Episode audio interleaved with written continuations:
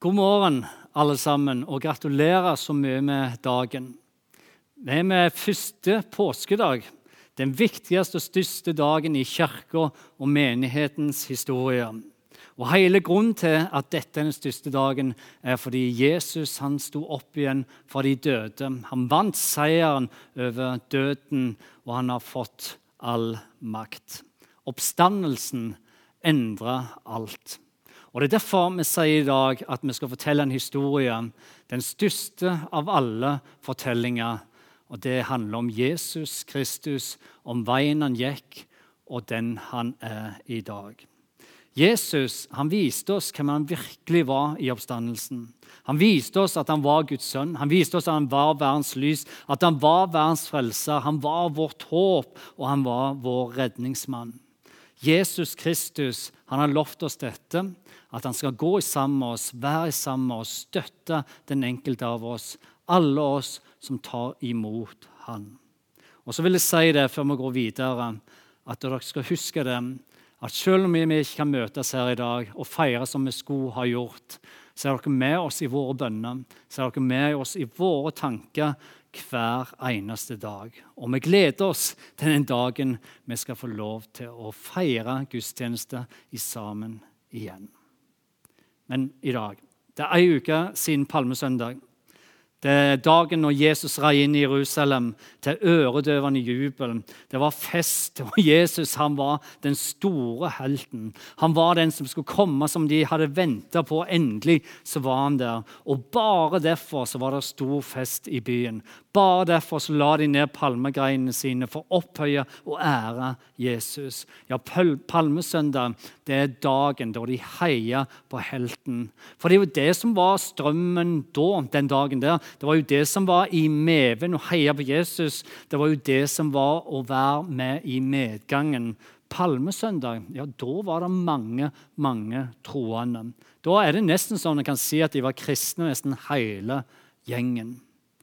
Fem dager seinere så var de ikke det. Da var det ingen igjen, nesten. Faktisk veldig få, om noen troende igjen, med Jesus sitt kors. I løpet av noen få dager, fem dager, så gikk de fra å være en gjeng med tilhengere til bare noen få igjen. Alt raste i sammen. Der de før tenkte at ingenting var umulig, stoppa alt opp. Bråste opp, fullstendig fallitt i det det skjedde. Det som ingen i deres villeste fantasi kunne forutse. Langfredag var her. Døden endra scenen. Alt bråstoppa, alt raste sammen. Og livet deres kom aldri til å bli de samme igjen. Her, for mange, mange år siden og Jeg er veldig glad for at jeg kan si dette mange år siden, for jeg skjems av det den dag i dag. Men jeg er akkurat blitt 18 år. Jeg har hatt billappen i to uker. Jeg lå og kjørte rundt alene i Bryne til jeg traff på en kompis etter Steinar og ble sittende og snakke sammen i hver vår bil. Det var lørdagskveld, og vi satt der og prata. Da Steinar plutselig kom på om vi skulle reise opp til Kjetil, som bodde på andre sida av Bryne. Og nå vet ikke jeg hvordan det er her med deg, for her er vi nok litt forskjellige. Men akkurat når vi skulle til å kjøre, vi skulle rulle sammen opp vinduene, så roper Steinar ut til meg sånn som dette her. Jim, nå kappkjører vi. Første mann til Kjetil. Og Jeg vet ikke hva du hadde gjort, men jeg vet heller ikke hvorfor jeg gjorde det. Men jeg gjorde noe som jeg ikke burde gjort. Det klikka, det kortslutta. For det jeg gjorde da, var at jeg klemte gassen i bånn. Og jeg kjørte det jeg klarte. Og det var her jeg skulle sagt at dette her gikk kjempefort. Men problemet er jo bare det at med en Ford Fiesta 1,1, en 82-modell, så går det bare aldri kjempefort. Du kan holde gassen så langt nede du vil, men ordet 'kjempefort' det kom liksom ikke opp. Men heldigvis, heldigvis er det ganske lang vei til Kjetil. Jeg hadde noen minutter for å komme opp i fart, for å si det sånn, så det gikk litt fort til slutt. Faktisk så fort at jeg klarte å kjøre forbi Steinar, og jeg heiv bilen inn i tunet til Kjetil. Jeg var den første inn, og jeg jubla mens jeg bråbremste inn og heiv armene i været. Men det var bare helt Jeg hørte en bil som bråbremsa bak meg, som fulgte hele tunet med blålys. Det var ikke Steinar det var politiet som kom bak meg. Spørsmål. Har du noen gang ønsket at du kunne skru tida litt tilbake? Endre på et valg du gjorde, eller endre på ting du sa, noe du tenkte som du ikke skulle ha tenkt? Vel, jeg angrer bittert på det jeg hadde gjort der. Og når jeg ikke trodde det kunne bli verre, men i det førerkortet mitt ble gitt til politiet, og han så på førerkortet og så det bare var 14 dager gammelt, så rister han på hodet og sier nei, nei, nei, går det an? Jeg trodde det ikke kunne bli verre, men det ble det. De tok med seg førerkort, og jeg bare tenkte at nå fyker lappen. Nå er det slutt. Og det er én ting om det hadde vært en Ferrari eller en Lamborghini jeg kjørte. Sant? Da kan du forstå det at du kan miste lappen. Men å miste lappen i en Ford Fiesta 1,1 det er faktisk en prestasjon å få til. Det gikk noen minutter før politiet kom tilbake. Men istedenfor å gi meg bot og istedenfor å ta førerkort og rive det sunt, så sa politiet til meg dette her. Hvis du, Jim, lover å aldri kjøre sånn som dette her, hvis vi ikke trenger å møtes igjen sånn som dette, lover du det? Ja, ja, det lover jeg. Ja, Da skal du få beholde førerkortet og du skal slippe bota. Og så spurte politiet til slutt er det greit for deg. Om det var greit for meg? Ja, det var greit. Og bare som det er sagt, Jeg har stor respekt for politiet og den viktige jobben som de gjør. De er viktige for oss å skaper den beskyttelsen vi trenger. Men den dagen der så fikk jeg også en gavepakke av politiet. Det var, og Før førerkortet tilbake var nesten som å høre jeg sier i nåde til deg. Det er en gave og en mulighet. Nåde istedenfor dom. Men her er poenget. Men vi må sjøl velge å ta imot nåden. Vi må sjøl velge å si det er greit. Og Det er i grunnen sånn Jesus òg sier til den enkelte av oss. Jeg vet at du har gjort det, jeg vet hva du har gjort, og hvordan det henger sammen. Jeg ønsker bare å gi deg nåde, men du må være villig til å ta imot den. Fordi det Bibelen sier i Isaiah 59,2, det står det dette her. At det er skylda som skiller dere fra deres deres Gud. Altså Det betyr at det er skylda som vi gjør sjøl, som skiller oss fra Gud. Det er ikke Gud som skiller seg fra oss, men det er vi med våre feil og mangler som skiller oss fra Gud.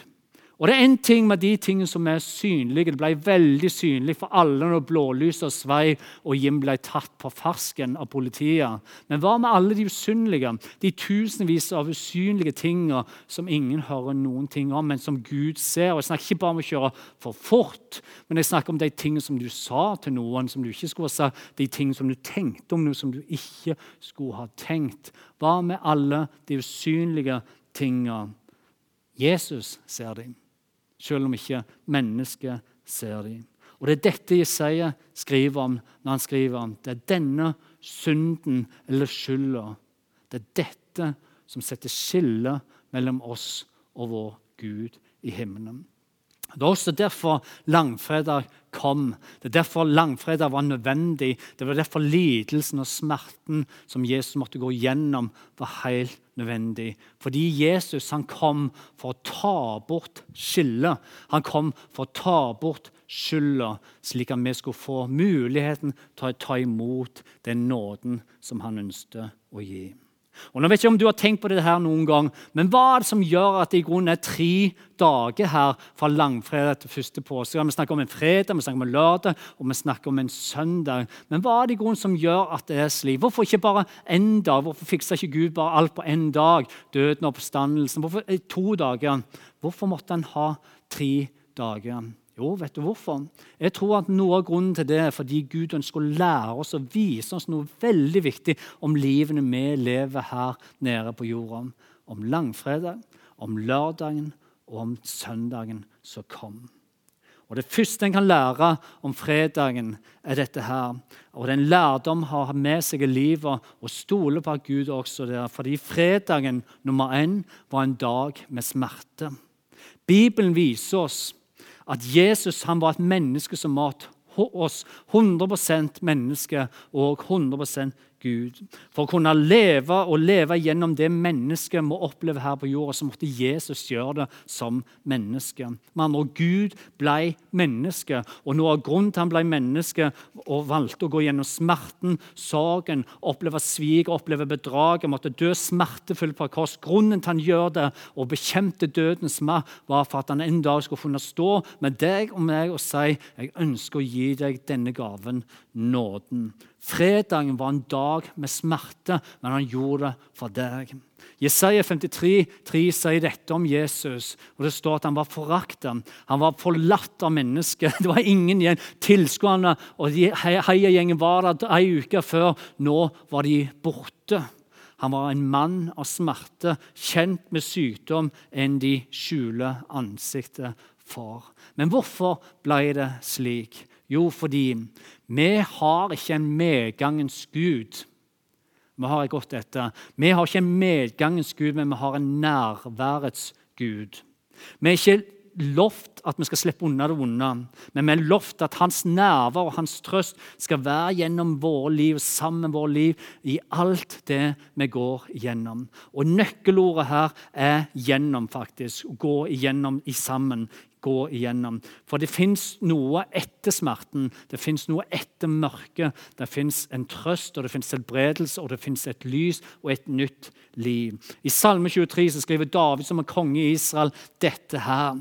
Om jeg skulle vandre i dødsskyggens dal, om jeg skulle vandre i dødsskyggens dal, da? Da frykter jeg ikke noe ondt. Og hvorfor er det sånn med David? Han ikke frykter noe vondt selv om det er mørke, selv om det er død. Jo, fordi David han vet at Jesus Kristus han er med han. For du er med meg. Din kjepp og din stav, de trøster meg i dødsskyggens dal. Jesus er en som er velkjent med dødsskyggens dal. Han er velkjent med smerte, med sykdom. Han er en som kjenner den mørke og lange fredagen. En dag fullt av svik og fullt av bedrag. Når Jesus dør på korset, så viser Bibelen oss en mann som kjemper. En kjempende mann som er fullt med angst. Jesus han roper febrilsk ut. 'Min far, har du forlatt meg?' Her og nå. Han var redd, han var i angst, og han var i anfektelse. Hvorfor? Jo, fordi Jesus var nødt til å prøve oss i alle ting som vi mennesker skal gå igjennom. Men det er også det som gjør at vi i dag, du og meg, skal vite det at Jesus han er med oss alle steg på veien. Han vet veien ut fra mørket fordi han sjøl har vært i mørket. Han vet hvor han finner lys fordi han har funnet lyset sjøl der framme. Han vet hvordan dødsskyggens dal ser ut fordi han har vært der sjøl. Og Grunnen til han vet det, er fordi han var nødt til å gå gjennom den dalen sjøl. Han gikk der alene fordi meg og deg skulle få retten tilbake og leve med lys i våre liv. Men det måtte en lang fredag til. En lang fredag fullt med smerte for at han skulle klare å gi oss den gaven, denne nåden, til den enkelte av oss. Her For flere år siden så fikk jeg lov til å følge ei ung, flott jente på 16 år på nært hold mens hun kjempa en kamp imot kreften som herja i livet hennes. Vi trodde han var borte, og han var borte for en periode, for så å komme tilbake igjen. I flere år så kjempet hun. Hun var inn og ut av sykehuset, hun var på møte og hun var i forbønn, og vi ba for henne. Og hun eldste å spille volleyball. Hun eldste å bade i sjøen, hun eldste å synge låsang, og hun eldste å oppmuntre andre. Selv om hun hadde dette med seg i livet og kjempet den kampen, var dårlige til tider, så eldste hun å oppmuntre andre mennesker. Hun var kjent for å oppmuntre andre mennesker som var nære. Og Han skulle gjerne kunne sagt i dag at det ble som vi ønsket, at det gikk godt til slutt. Men det gjorde ikke det for oss som sitter igjen på jorda her. For en sein kveld så ringer mor hennes og spør om jeg kan komme til sykehuset. Når jeg kommer inn i rommet der de er, så kommer jeg til et rom som er fylt med mer spørsmål enn svar. Og Jeg blir der litt over en time, og det blir ikke sagt så mange ord. Men rett før jeg eh, skal gå, så ber vi sammen, og så bøyer jeg meg over for å gi henne en klem til slutt. Det er da hun sier noe i øret mitt som jeg aldri kommer til å glemme så lenge jeg lever. For den 16-årsjenta som ligger og kjemper sin livskamp, sier dette. Jim, dette her kommer til å gå bra. Dette kommer til å gå bra uansett. Ei 16 års gammel jente i sin livskamp. To dager seinere reiser hun hjem til Jesus. Til evigheten sammen med Jesus. Livet har dette med seg at vi skulle ønske vi slapp unna en del ting. Men vi vil alle i løpet av livet både oppleve smerte og uforklarlige ting. Om det er ting som står på en dag, ei uke, en måned, to, et år eller to. Det vet en ikke. For noen mennesker så handler det om et helt liv. Hvorfor er det store spørsmålet. Hvorfor må en gå gjennom det? Ja, det er ikke mulig å forstå hvorfor noen erfarer det de gjør i livet. Men det Gud har lovt, at de aldri skal være alene, og det Jesus har lovt, at en dag kommer det framme der mørket er borte og lyset det trer fram. I mørket som kommer Jesus med løftet om et lys der framme. Du er aldri alene når du har Jesus med deg i livet. Det er også derfor Bibelen sier sånn som dette. Kast all deres bekymring på Han. Ikke bare litt av det, eller det du ikke takler sjøl. Nei, all bekymring, står det. Kast all deres bekymring på ham.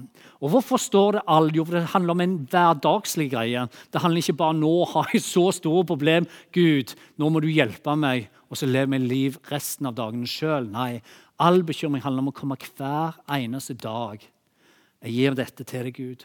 Gud, nå ser du dette. Nå ser du dette som står på. Jeg kaster all min bekymring på deg.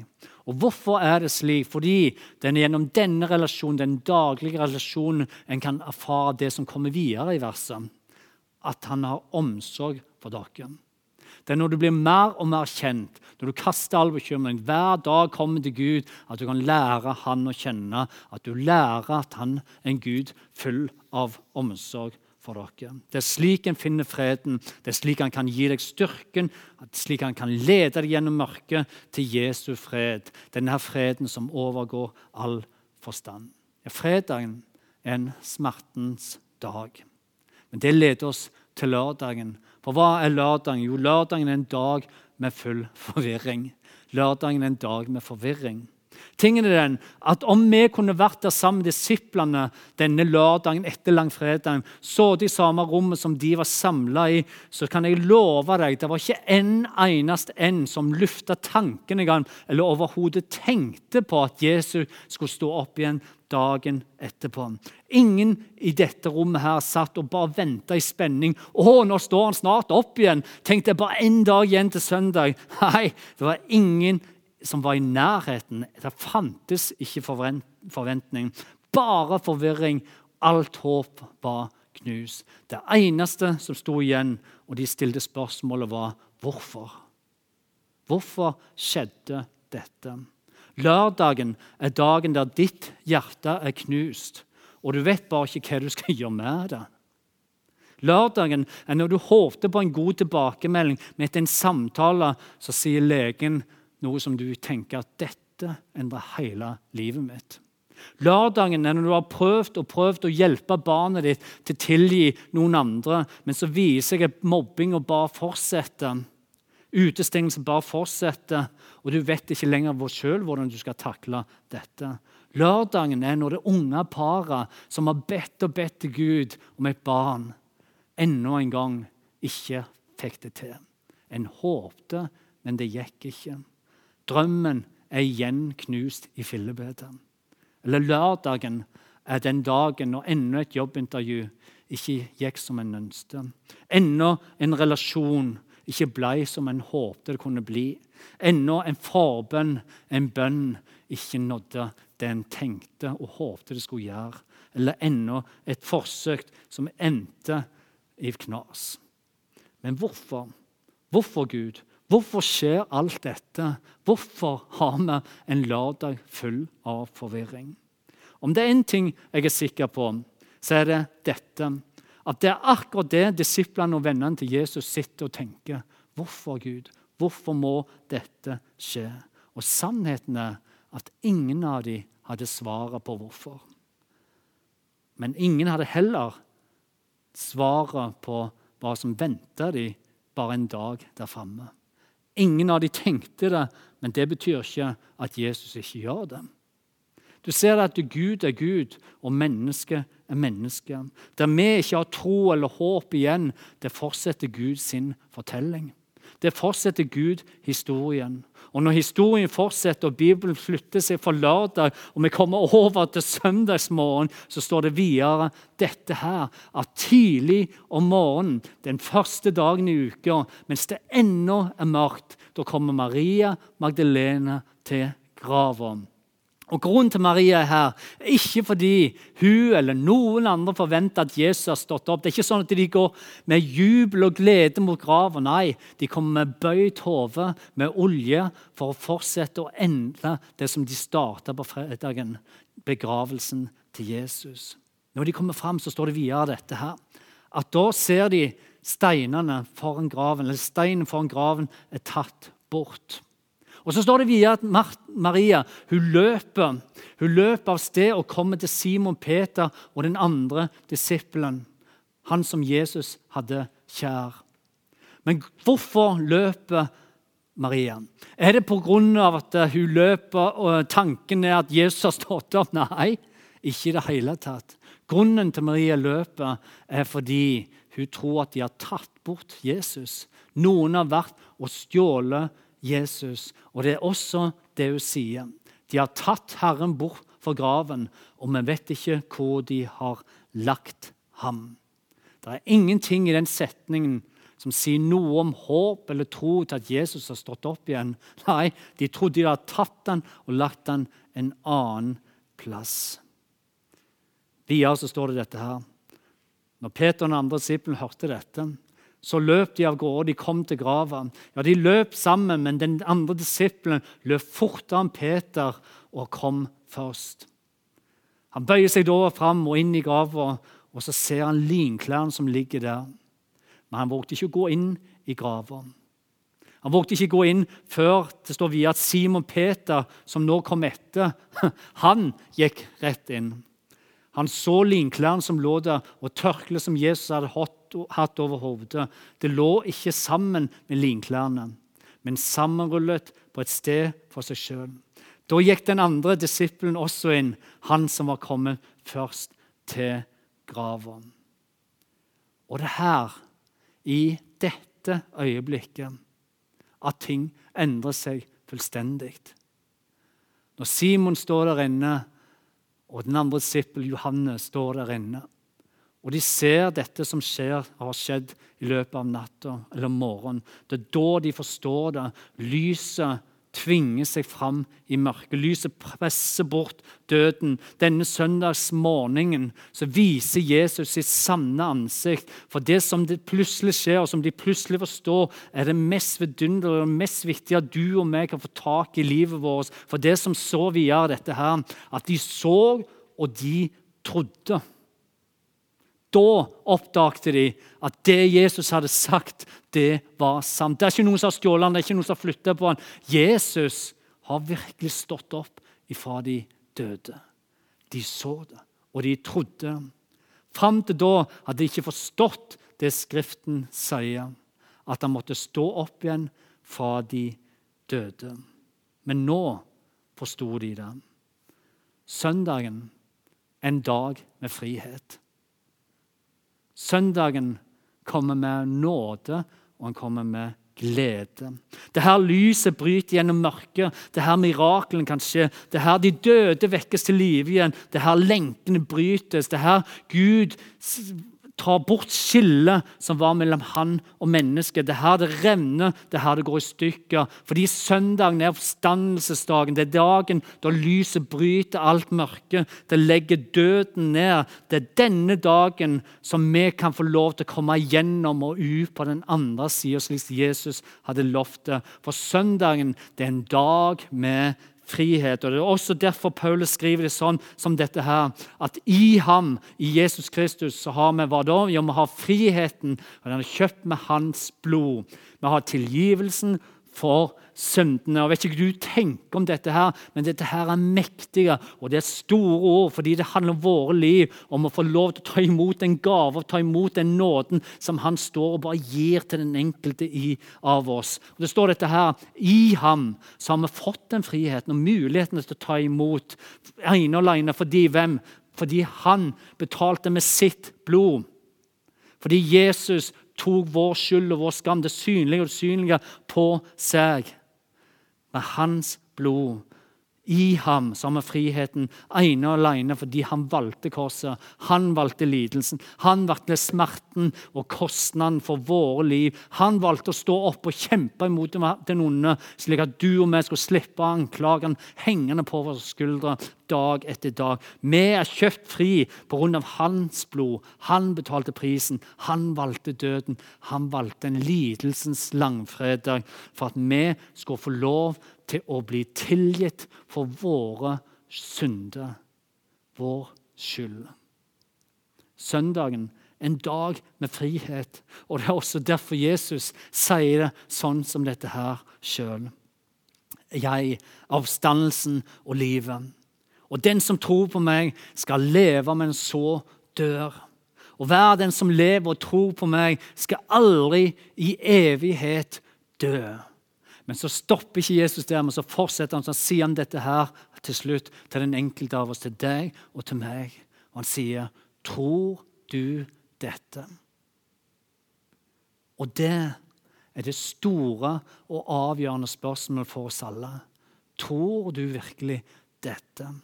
Det Bibelen viser oss videre, dette her, at en dag der framme skal vi alle møte Jesus ansikt til ansikt. Det som er bra for oss da, er å møte Jesus og si 'jeg tror på dette'. Som Maria Magdalena, som Simon Peter, som Johannes og alle de andre vennene til Jesus som en dag skal møte hans ansikt til ansikt, skal vi også stå der. Og Da er det eneste som betyr noe, om at vi tok imot dette nådens budskapet, denne gaven som Jesus gav til oss, og lagde søndagen til en dag full av frihet. Er søndagen en dag full av frihet? Det er pga. du har valgt nåden. Ja, da er søndagen en dag full av frihet. Den kristne troen vår så er det ett fundament i vår tro.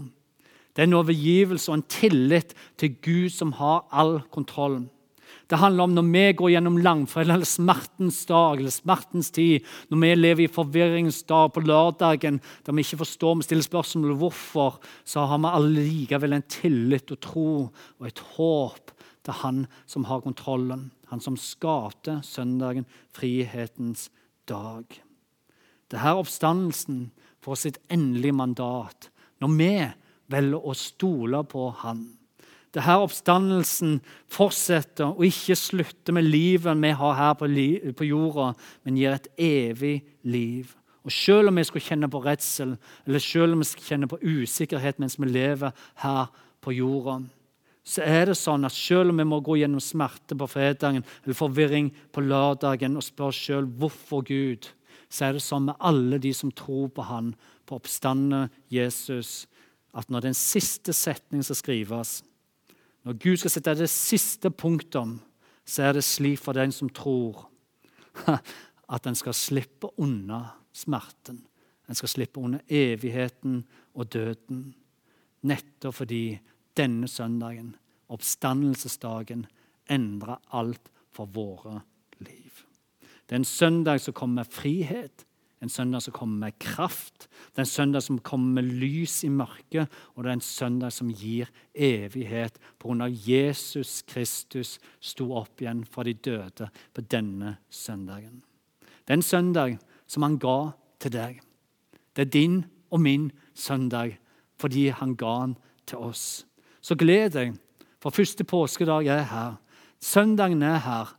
Lyset det brøyt gjennom mørket, og det ga oss Jesus Kristus, den oppstandende. Og han står framfor deg og meg, og han spør har du tatt imot den nåden som jeg gir til deg.